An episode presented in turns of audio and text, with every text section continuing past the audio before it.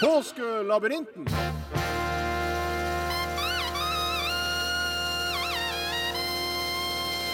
P1 Skattejakt.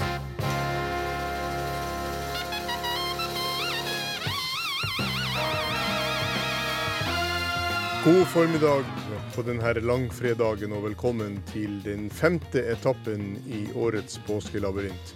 Det er siste mulighet i dag til å kvalifisere seg til en finaleplass i morgen. Og for å kunne komme i kontakt med oss, så må du ringe 815 21 031. 815 21 031. Det er muligheten der til å melde seg på. Telefonlinjene våre er åpne helt fram til klokka 11 i dag. Og La oss ta en liten oppsummering på hvordan vi står i eh, kampen om finaleplasser. Vi har altså han Lars Arne Andersen fra Søreidgrend i Bergen som har klart åtte oppgaver. Ellen Marie Eriksen i Trondheim har klart seks.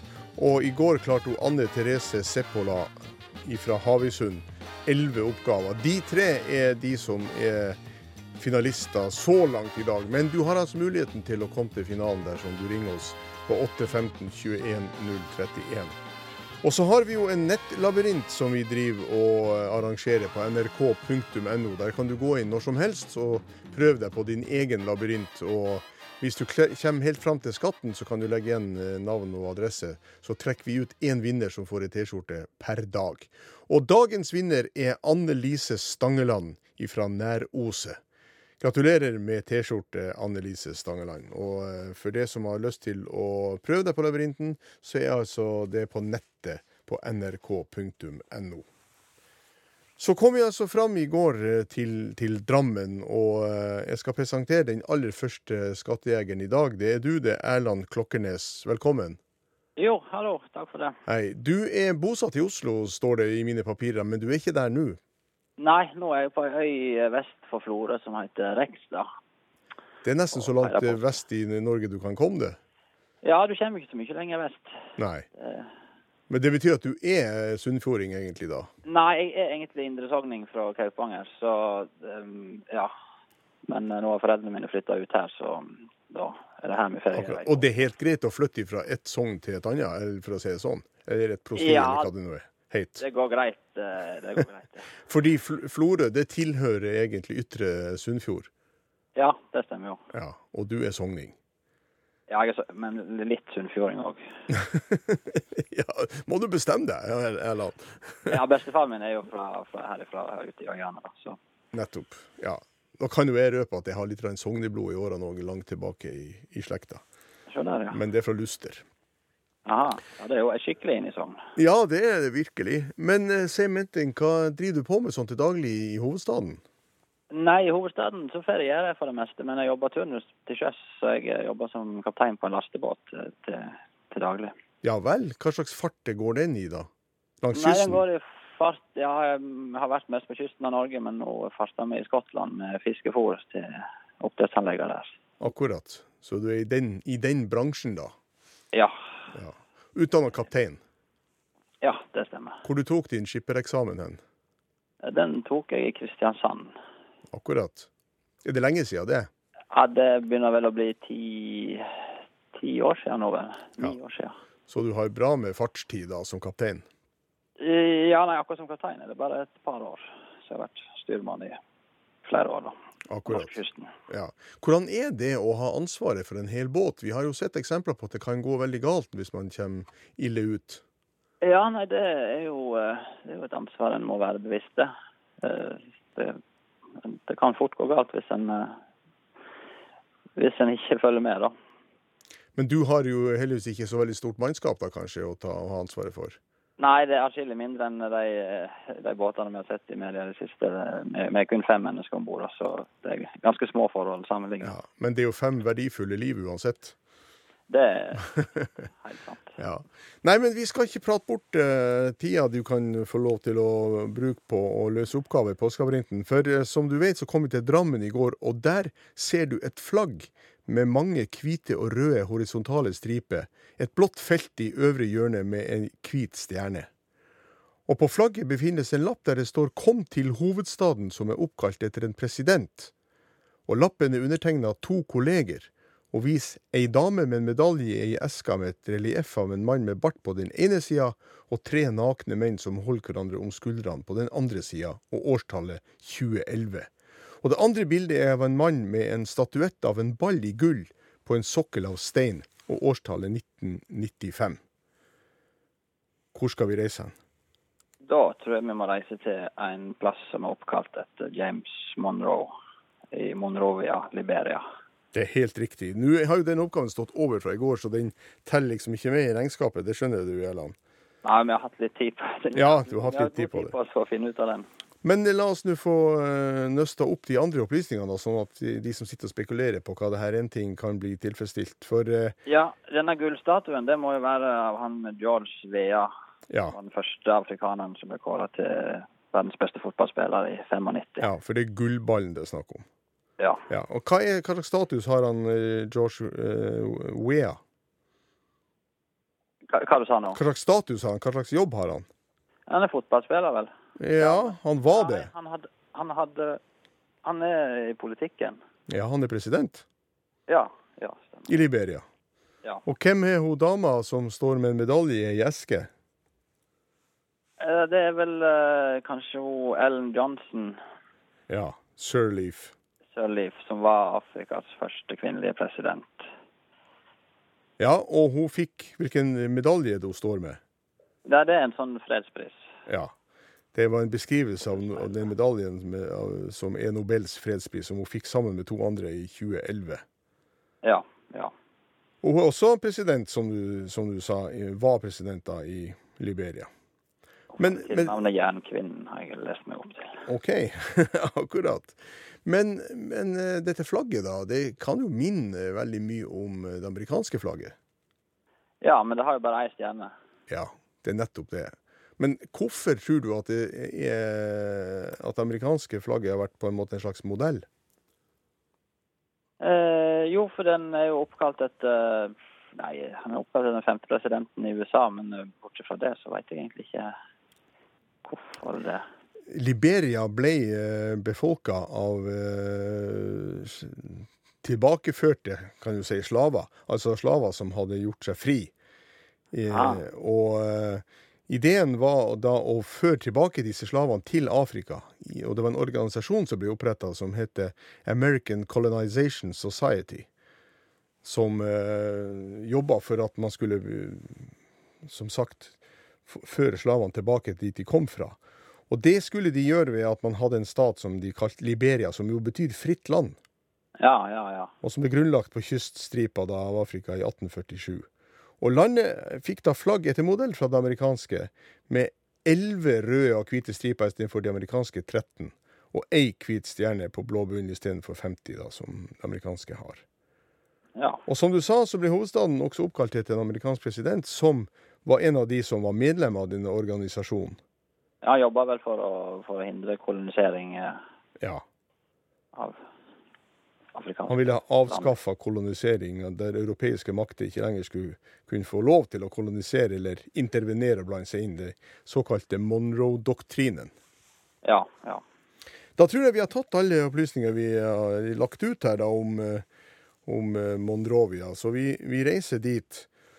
Og eh, når du kommer til Monrovia, så får du se en film der to menn krangler tilsynelatende om økonomi.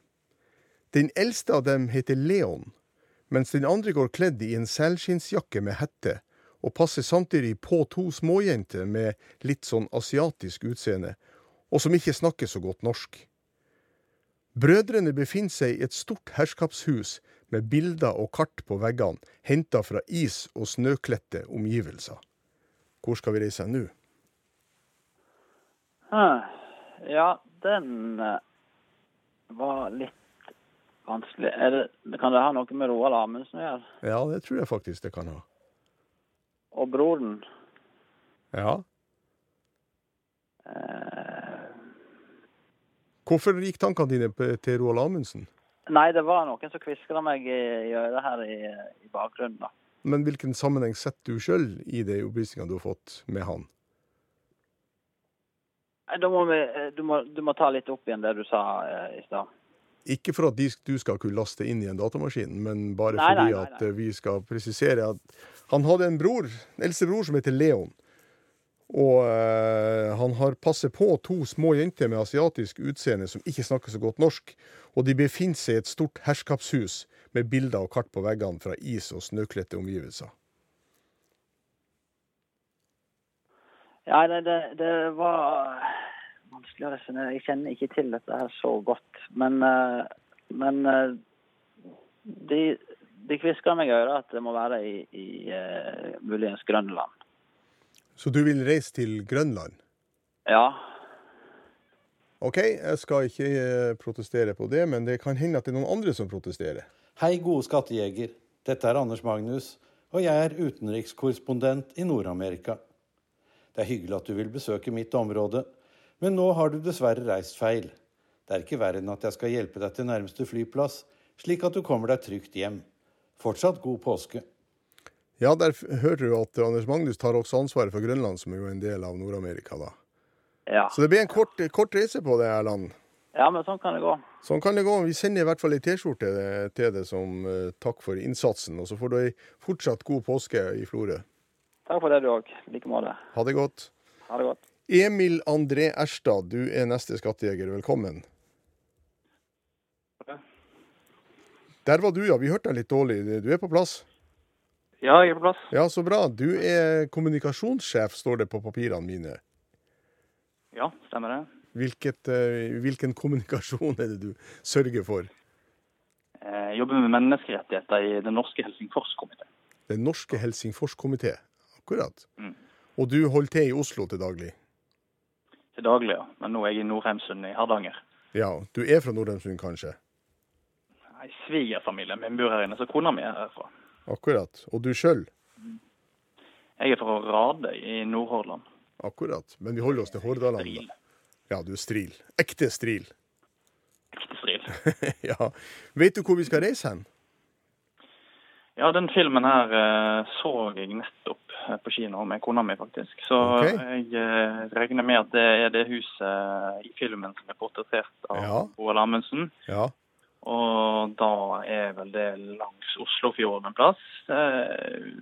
Og jeg har vel lest meg opp såpass at jeg tror at det kan være snakk om Svartskog.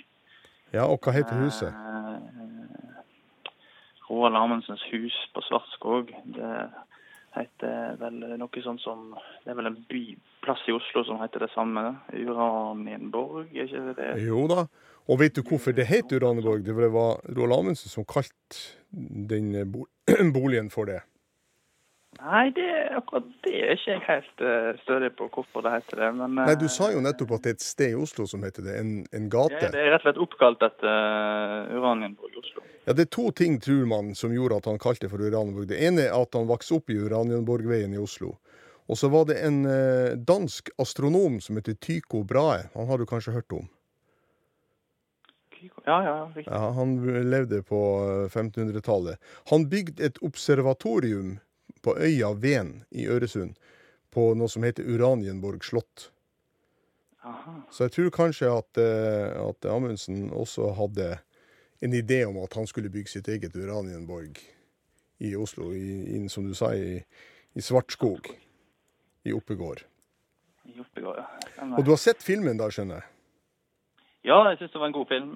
Men det ga jo ingen eh, Ikke noe eh, sympatisk inntrykk av eh, denne polfareren, da. Men eh, det var en god film. Hva var disse jentene, hva var det snakk om der? Han hadde Det var, det var to, eh, to inuittiske eh, jenter som oppsøkte båten til disse polfarerne oppe i Polhavet når de sto der og var på den ekspedisjonen som skulle ta fem år. Der de skulle drive med isen oppover. Ja. Og da tok han vel de med seg tilbake, to av de jentene. Ja. Som han skulle gi skolegang, husker jeg, hvis jeg ikke husker helt feil. Kakonita og eh, Camilla het de to jentene da, som han tok med seg. Var Men han sendte de vel tilbake òg. Ja, han gjorde det, så det var vel kanskje ikke så, eh, så veldig edelt som det kunne se ut som, muligens. Nei, men jeg hørte det gikk bra med de senere i livet. Ja, det gjorde det. De, eh, de ble altså henta fra nordøst i Sibir. De tilhørte et samfunn som heter Tsjuksjer-samfunnet Riktig. Og eh, den ene var jo dattera til en som heter Kakot, som var en altmuligmann om bord i Maud, som du jo drev med da. Ja, riktig. Og eh, derfor kalte han henne for Kakonita, etter faren Kakot. Kakot. Og så heter hun Camilla Carpendale, hun som han eh, Som han Venninna som han tok med, da. Men vi reiser til Uranienborg, vi, og du har klart et, et reisemål, da. Og der finner du et brev adressert til det. Der står det Emil André Erstad, Oslo. Ja vel. Da vil jeg kanskje åpne det brevet, da. Ja, det tror jeg er lurt. Der står det nemlig Dusinet fullt og vel så det. Ikke på fredag, og ikke på Widerøe og Lufthansa. Hvor skal vi reise nå? Eh, Jeg hørte ikke det første ordet. Dusin. Dusinet fullt og vel så det. Ikke på fredag, og ikke på Widerøe og Lufthansa. Ikke på fredag og ikke på Widerøe og Lufthansa. Vi skal altså ikke til Gardermoen. eh, For der eh, er jo Widerøe og Lufthansa. Dusin. Dusinet fullt og vel så det. Dusin med D? Dusin. Dusinet med D for David. Å ja, Businen, ja. Eh, businen Dusine. Du er sikker på at du fikk det med deg nå? Busine. Dusine med D for eh, David. Å ja. ja. Jeg er litt det, det, det, Dusin tolv er fullt. Ehm, ja, For å resonnere da. Tolv dusin, eh, som er tolv. Så er jo vel vi på Uranienborg. Eh, Dusinet fylt og vel så det. Fylt og vel så det. Tolv, kan det være eh,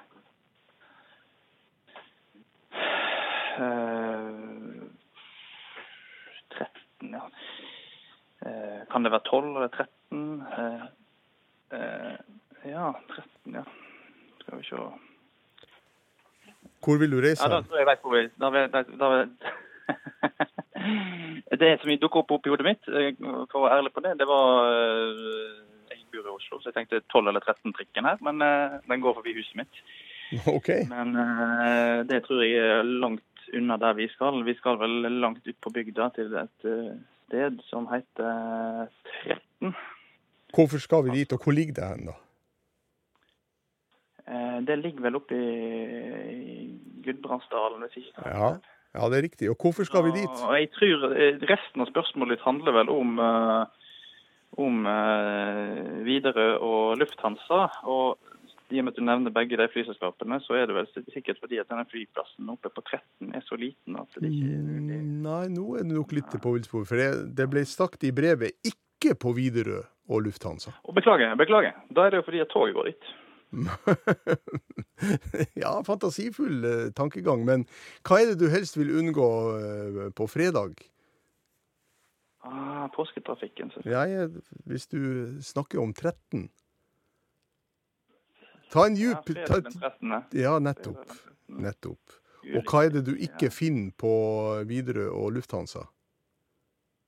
Eh, der finner du ikke sete nummer 13. Stemmer. Nettopp, Aha.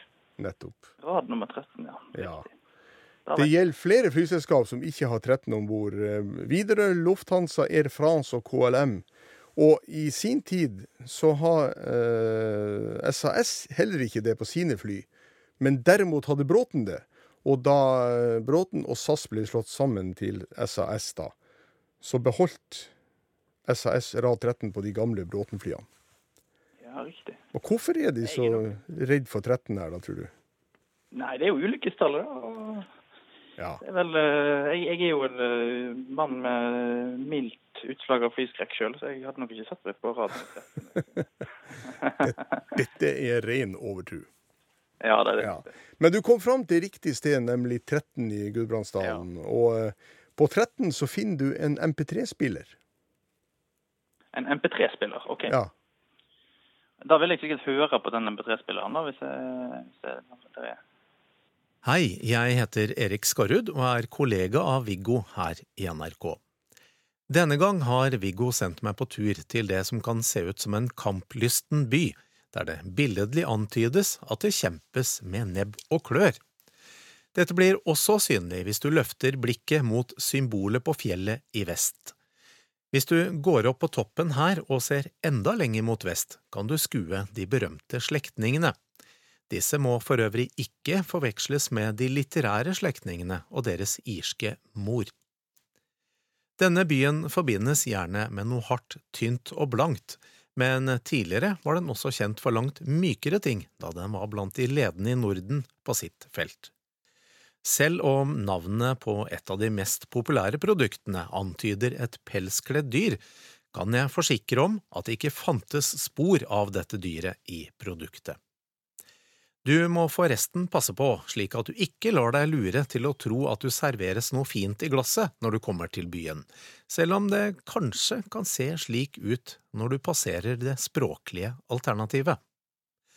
Og hvis du er blant de som hører litt dårlig, nei, jeg sa ikke vepsen. Og hvor skal vi reise hen nå? Her var det mye å ta tak i. Eh, Ja. Du får ta én ting av gangen, da, og resonnere så høyt og godt du kan. Dette er en by i, i, i eh, eh, Norden. Eh, Ja, hvis du skal se riktig stort på det, så er det, er det riktig, det. Ja, eh, det er det første jeg tenkte på med Kamplisten by og langfredag eller sånn, var vel eh, eh, Nord-Irland. Men eh, det var det jo flere ting som eh, tok ut. Og, Nei, det var snakk om at det billedlig antydes at det kjempes med nebb og klør. Ja, riktig. ja. Billedlig antydes at det kjempes med nebb og klør. Ja, hvilket bilde kan det være snakk om, da? Jeg får ta det siste, da. Det, altså det bildet Det bildet kjenner jeg ikke til. Men for å ta det siste, så er det vel sånn at uh, vepsen Han sa ikke vepsen. Nei. Og da, det jeg tenkte umiddelbart da, var vepsen. Ja, det var sikkert ikke så dumt. i Nordland. vel. Uh, og da er det vel sånn at kommunevåpenet i vepsen inneholder vel et bilde av ei, eh, en hane med forskjellige ting på. Jeg, pugga faktisk NAF-boka da jeg var liten, så jeg har eh, vært eh, Jeg har lest meg opp på norske kommuner, så kanskje dette hjelper meg her. Så du kan alle kommunevåpnene da, altså? Nei, ikke alle, men jeg kan en god del kommunevåpen rundt omkring. Eh, men du, det er noe annet som var symbol i vest. Hva var det nå igjen? Han sa det at uh, dette blir også synlig, dette billedlige uh, symbolet blir synlig hvis du løfter blikket mot symbolet på fjellet i vest. Og hvis du går opp på toppen og ser enda lenger mot vest, så kan du se de berømte slektningene. De berømte slektningene. Ja. Det må vel være uh, da de sju søstre. for jeg har ja, og de skal ikke, skal ikke forveksles med de litterære slektningene og deres irske mor. De Ja, nei da, jeg skal ikke, for, jeg skal ikke villede på noen måte. Du er på riktig spor. Men vi skal altså fram til et sted. Ja, En by. og da er, da er det vel fordi at her lagde noe hardt og tynt, og da er det jo Da eliminerer det jo en del plasser. Og det er vel sånn at i, oppe i Vefsn Vefsn er den største plassen i Vefsn er vel Mosjøen. Ja. Og der har Hva lager de der? Alumi, aluminiumsverk. ja. Stemmer det med de opplysningene Erik Skarud ga om at det er noe blankt og tynt og hardt? Ja, det er vel det. Ja. Og før i tida så eh, produserte de noe som uh, antyda et pelskledd dyr. Kan du tenke deg hva det kan være? Antyda pelskledd dyr, altså sånne pelskåper eller Nei, jeg tror ikke det. Jeg tror det dyret, det finnes ikke spor av dette dyret i produktet. OK. Eh, nei, da, da, da er jeg blank, må jeg bare innrømme. Men du vil altså reise til Mosjøen. Jeg Ja, tror det. Jeg, ja har- jeg har vært i Mosjøen sjøl med Jeg drev med ungdomspolitikk før, og da var jeg i skoledebatt oppe i Mosjøen. Og jeg husker at det var en sånn industri. Ja, det er helt klart det produseres aluminium der på hjørnesteinsbedriften Alcoa. Og før i tida så ble det produsert på Mosjøen veveri bevernylon. Aha. Aha, det som er et blandingsprodukt av nylon og bomull, ikke sant, som man bruker mye i barneklær. Ja, ja, ja. Ja, og det er, ikke, det er ikke noe produkt av bever i bevernylon, som du skjønner. Men hva mente han, hva mente han med han sa han at uh, du må ikke la det lure til å tro at det serveres noe fint i glasset, selv om det kan se sånn ut når du passerer det språklige alternativet? Hvilket språklig alternativ til norsk er det i Mosjøen? ja, det må da være uh, sørsamisk. Nettopp. Og hva heter Mosjøen på sørsamisk? Da må du hjelpe meg, tror jeg. Det heter mussere. Musse. OK, riktig. Så, og det skal hjelpe meg til å se hva som skal være i glasset? Ja, det er så. Ja, ja, ja. Ja, ja musserende, ja. Ja, riktig. Ja, ja, ja. riktig. ja, ja, ja. Da tror jeg vi har eh, oppklart alle, alle mulige eh, stikkord som Erik Skarud har lagt inn i den oppgaven som han har fått lov til å, å, å lage aldeles på egen hånd. Og takke Erik for det. Og når vi kommer til Mosjøen, så kommer du midt inn i et teaterstykke der to menn sitter og snakker sammen på fransk. De heter Vladimir og Estragon, og handlingen i stykket er svært ulogisk. For eh, mennene snakker hele tida forbi hverandre, men du oppfatter at de venter på en mann som aldri kommer. ja, ja. Plutselig så snur han inn i skuespilleren seg mot det og sier på norsk Spor etter skatten er å finne i fødebyen til nobelprisvinneren for 50 år siden. Handlingen i romanen med Odyssevs-navnet foregår i sin helhet i denne byen, på Bloomsday. Hva, hva siste? Brunstei? Bloomstay. Bloomstay, OK. Nei, altså Bare for å ta det mest opplagte her. Eh, det er vel eh, Det er vel Godot vi snakker om. Eh, mens vi venter på Godot. Ja, hva er det for noe? Og det, det husker jeg var en østeuropeer som skulle forklare meg denne romanen for noen år siden. Jeg skjønte ikke hva han prøvde å forklare meg. Eh, men etterpå lærte jeg meg at det var det den handla om. Mm. Det, Og het, det heter vel på fransk Godot, Godot. men det er helt riktig. Godot, ja. Mens vi venter på Godot. Godot. Eh, og da er vel den skrevet av en som heter eh, Beckett. Ja. Eh, og det var vel i 1969. Og Samuel Beckett er født eh, i eh, Ja, vi skal vel til Irland, da, til Dublin. Der eh, For han er vel født i Dublin. Og, hvor, og hvorfor skal vi til Dublin? Bortsett fra at Samuel Beckett er født der. Hva er dette her med Odyssevs-navnet, handlingen i romanen med Odyssevs-navnet som foregår i sin helhet i denne byen på? Bloomsday Vet du om noen eh, roman som har navn etter Odyssevs, Ulysses. og som foregår i sin helhet på én dag? Ulysses. Og den Ja, er vel skrevet ja. av en som heter Joyce. James Ja. Joyce. Ja, riktig. Og hva Og for, han, eh, den foregår vel i Dublin i, eh, for denne her eh, Hva heter det? Den eh, Bloomsday. Bloomsday. Ja, Riktig. den blir kalt det. Det er datoen 16. juni 1904 det er snakk om her. da. Og Aha. grunnen til at den heter Bloomsday, det er at hovedpersonen heter Leopold Bloom. Men du resonnerte riktig og kom fram til riktig sted, og da er vi altså på fire oppgaver som du har klart eh, til nå, eh, og, vi drar til Dublin. Du begynner å hale inn på disse finalistene, så derfor så eh, går jeg bare videre her nå. Jeg regner med at du er interessert Ja, ja. i det. For i Dublin får du se en kopi av et offisielt utseende papir der ordet traktat er brukt. Det er undertegna av fire personer der etternavnene er strøken ut. Men de fire fornavnene er stående, blir stående, og der står det David, George, eller George, Woodrow og Vittorio. I teksten fremgår det at en tapende part må betale betydelige erstatningssummer, at flere kart må tegnes på nytt, og at det blir restriksjoner på væpnede styrker for et land. En internasjonal organisasjon ser dagens lys, men Woodrow får ikke lov å gå inn i den. Stemmer. Så hva er det som stemmer for det, for det nå? Ja, da, da tenker jeg vel at uh, dette er den berømte eh, Versailles-traktaten vi skal fram til. Fordi uh, det stemmer godt overens på de navnene som du leser opp her.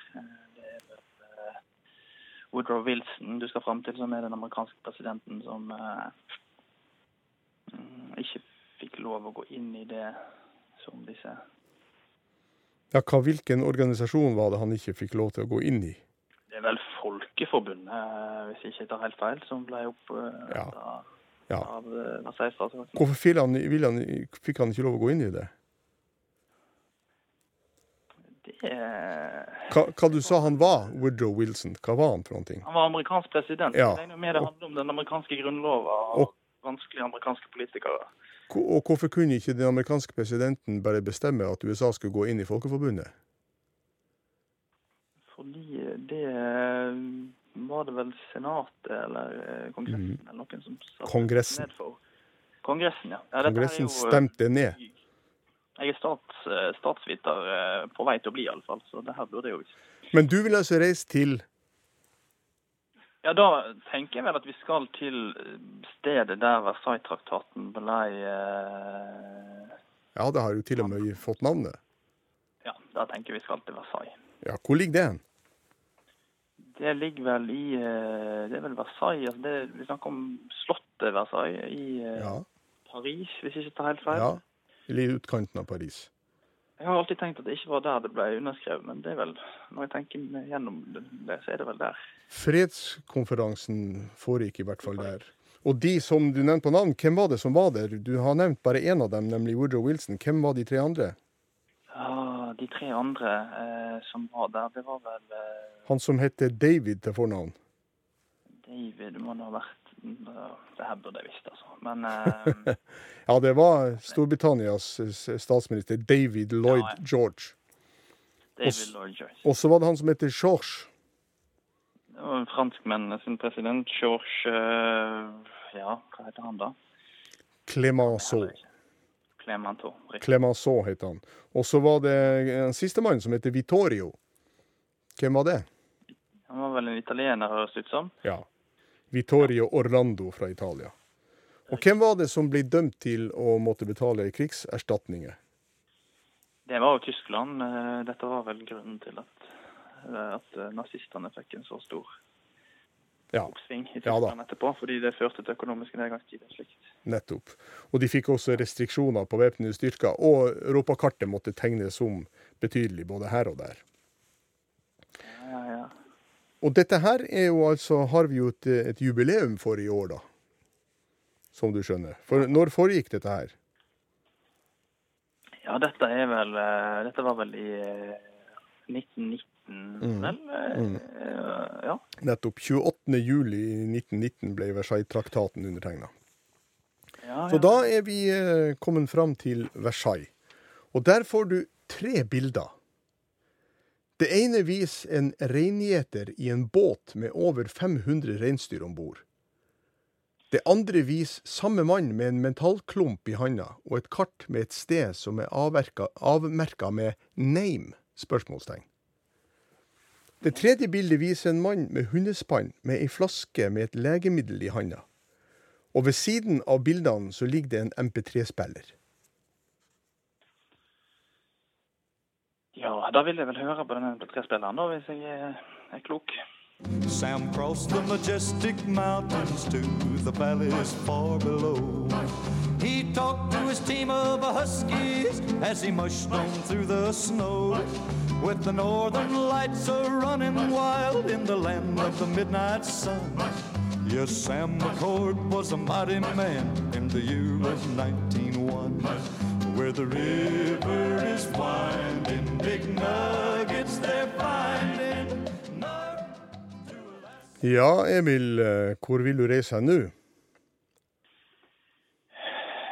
Ja, jeg er veldig usikker. Eh, jeg vil vel Ja, det er mange ting her. Eh, reinflytting eh, og hundespann. Det er, Ja. to, det er egentlig én person jeg har sett veldig mye på TV som jeg tenker på. Det er Lars Monsen. Eh, og så Men jeg har på en måte ikke så mye annet knyttet til de andre opplysningene du gir. Eh, Annet enn at eh, det der Ja, og, og Lars Monsen da Umiddelbart tenkte jeg på Finnmark, men da er det jo ikke det. Da er det vel sannsynligvis Alaska. Hvorfor tenker du på Alaska? Nei, det er vel der han har drevet og gått etter Iditarod-reise. Eh, og så tror jeg du sa noe om at eh, det sto 'name'? Ja. spørsmålstegn. ja. Et kart med et sted som er avvirka med name? Spørsmålstegn. Ja, hvis ikke, Jeg har jo sett såpass mye på Lars Monsen. Jeg vet at han kommer inn i, i Nome i Alaska når han er ferdig på det løpet. Så du vil reise til Ja, jeg tror jeg vil reise til Nome i, i Alaska. rett og slett. Nå hadde du flaks. Nå hadde du flaks, altså, Emil, på mange måter. Dyktighet og flaks, fordi det har ingenting med Lars Monsen å gjøre. Overhodet ikke. Å nei, han har ikke vært med på Iditarod. Nei, jo, det har han jo. Og det handler for så vidt om det som til syvende og sist ble Iditarod. Men, men dette her handler ikke om Lars Monsen. Nå blander jeg sikkert ulike TV-program på NRK, men det er det jeg har sett. Og... Ja, jeg vet ikke om du har sett det her på TV, men denne karen her, som en reingjeter som sitter i en båt med over 500 reinsdyr, er en ganske stor båt vi snakker om her, da.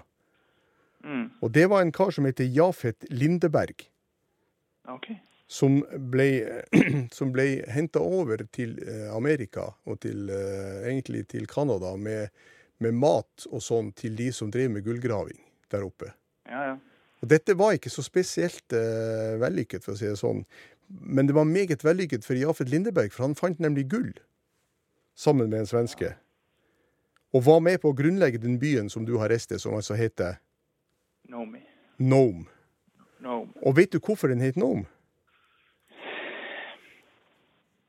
For det har nemlig noe med dette Har det noe med Nome i Norge å gjøre? Nei.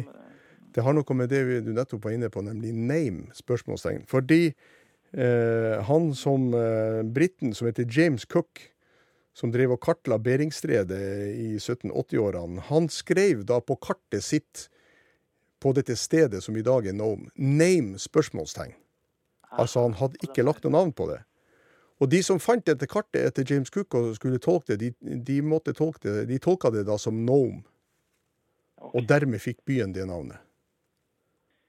Ja, nei, altså, jeg må bare eh, beklage, men det var de assosiasjonene som dukket opp i hodet. Det...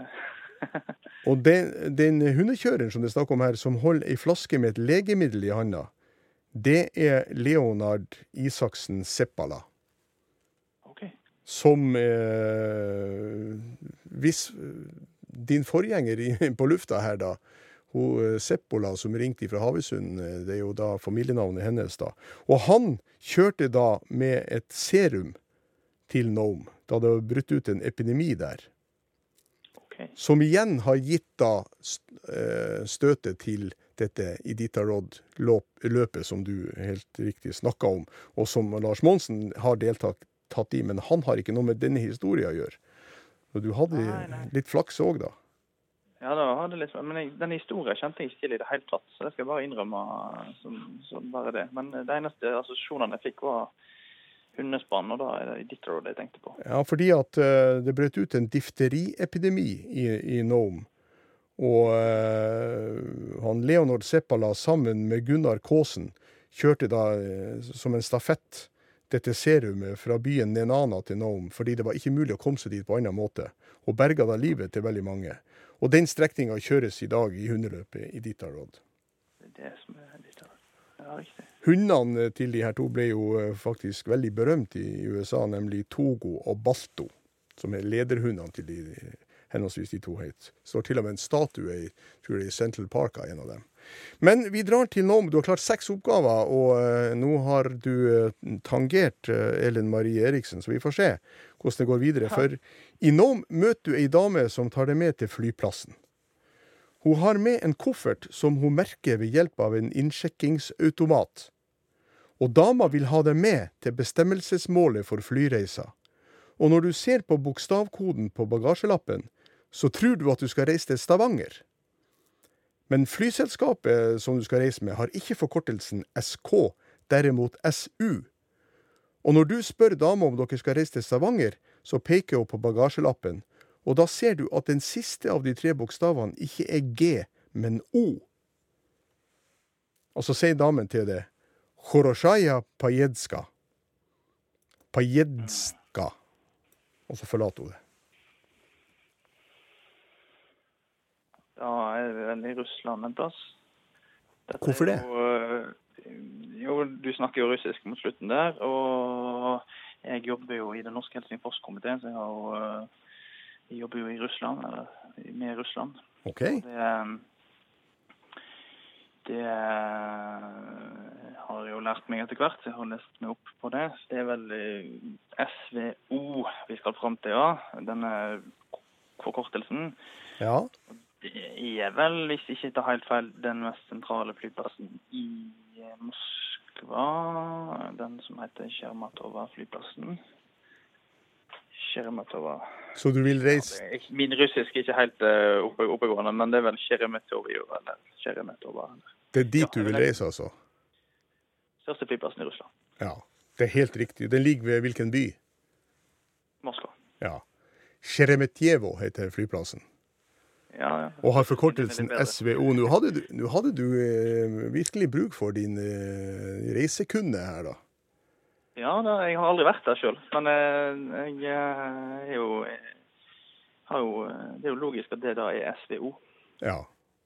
Og ikke SVG, som jo er forkortelsen for Stavanger.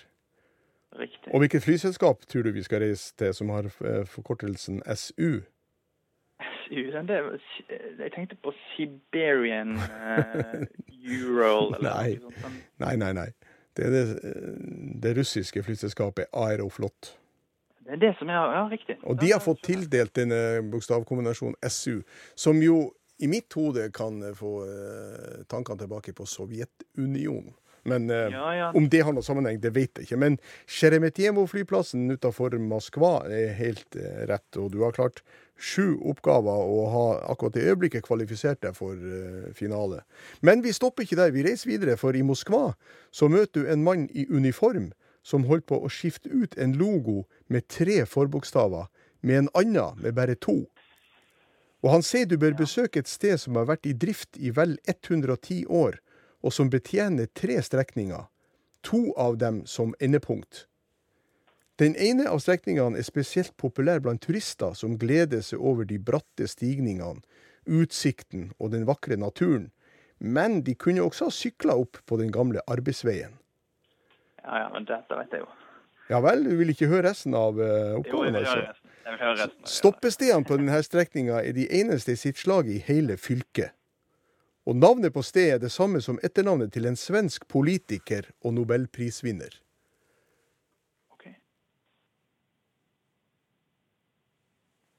Jo, eh, da prøver vi å ta eh, dine Det er vel NSB og, eh, og eller Vy vi skal fram til. Som, eh, fordi det Ja. er vel snakk om Flåmsbanen. Den kjenner jeg jo godt. Det er jo ikke langt herfra jeg er nå.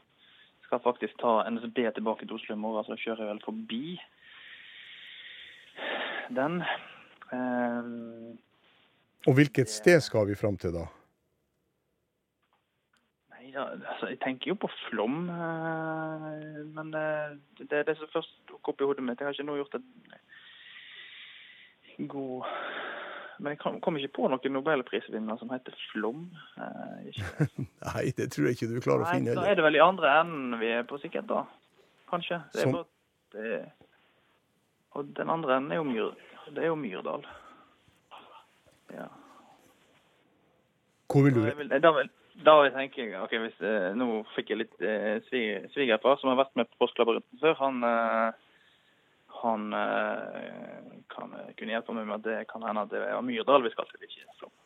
Og Det er det Alva Myrdal som er grunnen til at vi skal til Myrdal. Ja, og jeg tenkte jo som så når, eh, når du fikk denne oppgaven her, at Alva Myrdal er noe som du som jobber i Helsingforskomiteen kanskje kjenner godt til. Ja, nei, er det, nå skal jeg gå hjem og lese meg opp Alva Myrdal. Det skal jeg gjøre med en gang. Hun jobba nemlig for eh, nedrustning. Ja, riktig. Alva Myrdal, som var diplomat og forfatter og sosialdemokratisk politiker i Sverige. For Myrdal er helt rett, nemlig, for det er en navnet på stasjonen på Bergensbanen og endepunkt for regiontoget mellom Bergen, Voss og Myrdal. da. Og endepunkt for Flåmsbanen, som du var inne på, Ja. mellom Flåm og Myrdal. ja da. Jeg skal forbi der i morgen, så det Ja, Det, og som det ble sagt her, det er jo det eneste stoppestedene på denne strekninga, det eneste i sitt slag i fylket. Og hvilket fylke er det snakk om? Nei, altså øh, Det må nå være Sogn og Fjordane. Ja, nettopp. Det ligger i Aurland. Ja, nettopp. Nettopp. Og um, Alva Myrdal, den, hun burde jo lest litt om uh, som medlem av, eller som aktiv i Helsingforskomiteen. For uh, hva er det dere driver med i komiteen? Vi jobber med menneskerettigheter i, eh, i eh, det som omtales som OSSE-området. Altså de landene som er medlemmer av Organisasjonen for sikkerhet og samarbeid i Europa. Ja. I det tidligere Sovjetunionen eh, er vel på en måte eh, kjerneaktiviteten. Og så jobber vi òg i Tyrkia og flere andre land. Ja, og Alva Myrdal var som sagt en forkjemper for nedrustning, og fikk eh, Nobels fredspris i 1982 sammen med en meksikaner som heter Alfonso Garcia Robles. Aha. Hadde en ganske kjent mann også som heter Gunnar Myrdal, som var samfunnsøkonom og handelsminister i Sverige. Og så fikk de en sønn som var meget omstridt, som heter Jan Myrdal, som du kanskje har hørt om, en venstreaktivist med ganske omstridte synspunkter. Ja, En av de som forfekta et, et, eh, beundring for Pol Pot og Røde Khmer, som kanskje ikke er så veldig lurt, da. Nei, den type folk har vi ikke. Men han om, men han om det. Ja, nei, vi kommer fram til Myra. Nå har du klart åtte oppgaver sånn, og er nummer to i denne sammenhengen her da, eh, så langt. Og du klarer kanskje å holde gående hele programmet du òg, sånn som hun i går. Det er imponerende. Men vi får se. På Myrdal møter du en mann som sier at han ennå er skuffet over at heimbyen hans tapte en viktig konkurranse mot en by i nabolandet. Han er ikke bare skuffa, men rett og slett forbanna. Konkurransen fant sted for et kvart århundre siden, og ble en stor suksess for vinnerbyen. Men hvert av de siste 15 årene så har heimbyen hans arrangert åpningskonkurranser i en idrettsgren som egentlig er to greiner. Og både Marte og Johannes har ferske, gode minner fra byen, som ligger ved en stor sjø og kan nås både med jernbane og bil på under tre timer fra ditt eget land. Og den ligger helt sist i alfabetet. Ja, da tenker nok jeg uh, at det var såpass mange gode hint her at det er Østersund vi skal fram til. Det kunne jo vært Lillehammer som bare lå tre timer med tog og, og Klart, men mitt eget land er jo Norge, så da er det jo ikke Lillehammer. Nei. Men altså, jeg tenker Østersund. Uh, Hvorfor tenker du på Østersund? Uh, jeg tenker det ligger med en stor innsjø, at det er den siste Men det er ikke den siste bokstaven i alfabetet, det er kanskje Åre, det. Er det Åre eller Østersund? Nei, det må være Østersund, for det var vel de som kjempa med Lillehammer i eh, 94. Nettopp, nettopp. Og du vil reise til Da vil jeg til Østersund. Ja. Og, og hva er den siste bokstaven i det svenske alfabetet? Ja, det er sant. Det er Ø, det. Det er ikke Å, men Ø. Men da skal jeg si det, Merkelig det hørte jeg ikke på svigerfar, som tipsa meg om at det var Å. Året. Så, eh, men Nei, det- før, så Nettopp. det er gammel, gammel storhet. Nei, hva er det det dreier seg om for de som ikke har, skjønt dette her? Hvilken konkurranse er det vi snakker om for eh, et kvart århundre siden? det er vel ski, ski, altså konkurranse for et kvart århundre siden. Det er vel kvart århundre OL på Lillehammer. Ja. Det var det, de var da begge søkerbyer. Østersund var en av søkerbyene eh, sammen med Anchorage og Sofia og Lillehammer. Da. Og avgjørelsen ble Lillehammer. Og da var det rådmannen i året, faktisk, Jon Bruno Jacobsson, som uttalte Ja, inte besviken, jag er förbannad. Så søkte igjen Østersund både i 1998 og i 2002. Men så var du inne på skiskyting, og hva var det snakk om der? Ja, det, disse, det var det skiskytter-VM som var nå nettopp, der vi eh, gjorde det veldig bra med Johannes Tingsbø og den gjengen her. Og Marte Olsbu Røiseland. Marte Olsbu eh, Røiseland òg, ja. Ja. Gjorde det veldig bra. Ja. Der satt vi og så på. Ja, nettopp. Og eh, det, de har da åpningsrennet i verdenscupen i eh, skiskyting hvert år i Østersund. Stemmer, sant. Ja. ja, da har du altså klart ni oppgaver, og i Østersund så møter du Vladimir Smirnov. Han ber deg reise til hovedstaden som ble anlagt fra starten av for vel 20 år siden. Da overtok den etter bestefar til epler, der glatt underlag ga mange bestenoteringer. Men nå har landets ubestridte leder gjennom nesten 30 år valgt å gå av, Og da tok den nye lederen til orde for at hovedstaden skulle kalles opp etter den gamle lederen, sier Vladimir Smirnov. Hvor skal vi reise nå? Ja, nei, dette her er jo no, Det virker jo som at Helsingforskomiteen har vært med på å utforme spørsmålene deres. For, uh, vi, vi har jo en representant i eh, Astana. Uh, og, Ok. Og, eller nå som, nå som den skal eh, skifte navn til Nursultan, etter president Nursultan eh, Nazar, Nazarbayev. Nettopp. Så dette her kan du lese en utmerket artikkel av min kollega Ivar Dale, hvis du googler det. Så, I Helsingforskomiteen? Ja, Ja. Du har nå jammen med flaks òg, da, Emil. Når jeg satt og skrev. Når jeg satt og skrev denne oppgaven, så er det jo i hvert fall eh, kanskje en måneds eh, tid siden jeg skrev den. Og ideen kom etter at vi var innom Brasilia, som du jo sikkert hørte i den tidligere, og også Karlsroe, som er anlagte byer. Ja, ja. Men- ja. Når du var innom Brasilia, så lurte vi en liten stund på om det var Astana, men så kom vi, bort, kom vi til at det ikke var savanneområdet i Astana. Ja, nei, det er det jo ikke. Og hva het den gamle hovedstaden, og hvilket land snakker vi om? Det er vel Almaty i Kasakhstan vi snakker Ja, ja. Eh, den gamle hovedstaden. Hva betyr Alma-Ata, som den het før de skifta navn til Almaty? Eh, store eh, nei, det, det, det tør jeg ikke bli med ut. Bestefar til epler, eller eplenes far. Riktig. Så skifta de navn til Almaty, og så ble det anlagt en ny hovedstad som heter Astana. Og så er det han der eh, merkelige Nur-Sultan Nazarbayev som har gått av som eh, ganske diktatorisk eh, president. Og så har den nye presidenten foreslått at de skal kalle opp denne byen etter han. Ja, og, da- og da er vel vårt spørsmål om har han gått av, eller vil han fortsette å virke som president i Kasakhstan framover? Det der tror jeg faktisk du vet mer om enn meg. Ja, ja. ja, det er vel en viss fare for at det regimet holder, holder seg fast, klamrer seg fast. Men Astana er selvfølgelig helt riktig, og der får du tre ting. Et bilde av en spansk navn med navn Francisco, og han har skjegg, er kledd i rustning og med karakteristisk hjelm med tre fjær på toppen. Han velter seg i gull og sølvgjenstander, mens en mann med et noe eksotisk utseende med gullhatt med samme type fjær blir tvungen i kne. Det andre bildet viser en stein- og glasskiste inne i en katedral med levninger av spanjolen. Og det tredje er bildet av en mann på ski, kledd i en helt hvit skidress med mange medaljer rundt halsen. På bildet er trykt 'Landets mestvinnende vinterolympier'. Hans klubb setter det på sporet. Mm.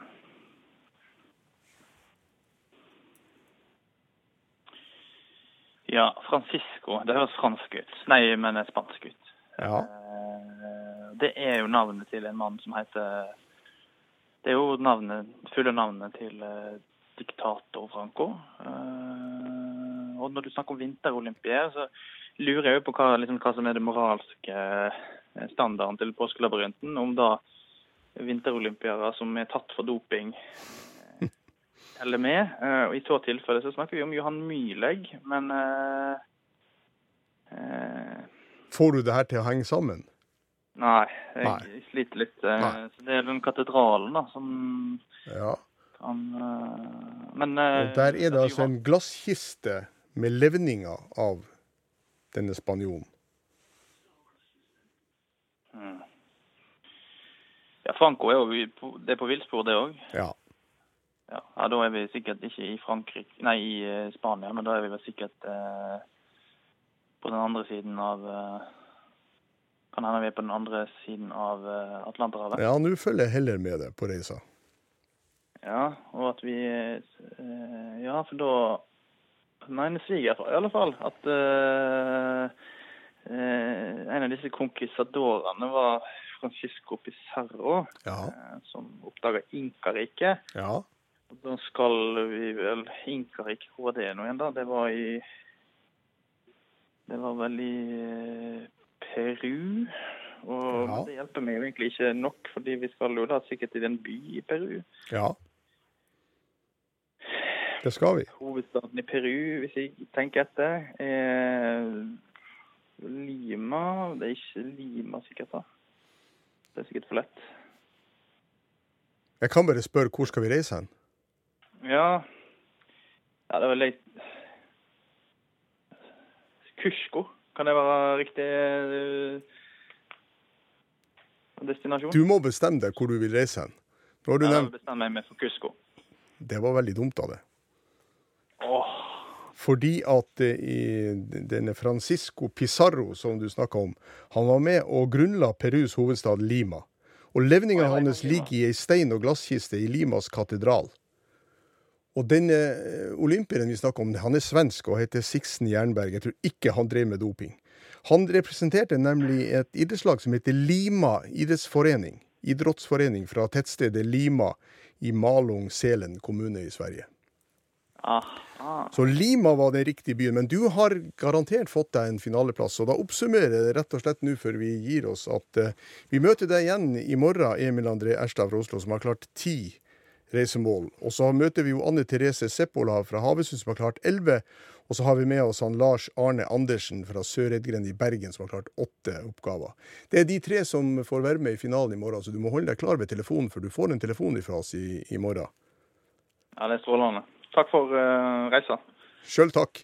Og da er det altså sånn at vi er på lufta med en eh, finale i morgen klokka 10.05 på P1 og P1 pluss. Eh, Morten Lyen har vært teknisk ansvarlig, Eivind Motland er produsent. Og telefonnummeret nå kan du ikke ringe lenger fordi at eh, kvalifiseringa til eh, finalen er, er over. Det er de tre vinnerne i den rekkefølgen, altså Bergen først, og så Havøysund, og så eh, og Nordheimsund eller Oslo, alt dette som du ser det. da. Det blir rekkefølgen i morgen. Takk for at du hørte på, og husk å ta eh, nrk.nos eh, labyrint for din egen del, og hør på Afterski med Madeleine Cederstrøm og meg på P1 pluss klokka 16 i dag. Viggo Valle heter jeg. Takker for dagen.